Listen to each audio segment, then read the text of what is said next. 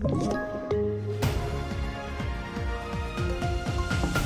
TV4-nyheterna börjar med att allt mer talar för att Sverige och Finland kommer ansöka om medlemskap i NATO samtidigt och Finland väntas säga ja redan nästa vecka enligt finska medieuppgifter. Vi kommer ju betydligt närmare ifall Finland bestämmer sig för att eh, skicka in en ansökan. Det har man ju sett dels i svenska opinionsundersökningar där allmänhetens stöd är, är upp mot 60% eller högre i, i det scenario där Finland har bestämt sig för att söka. Det sa Jakob Westberg vid Försvarshögskolan.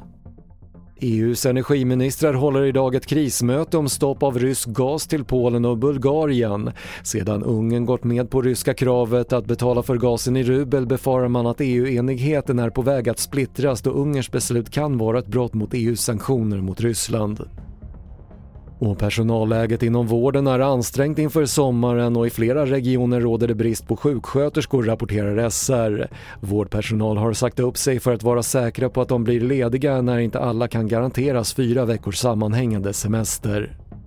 Fler nyheter hittar du på tv4.se. Jag heter Patrik Lindström.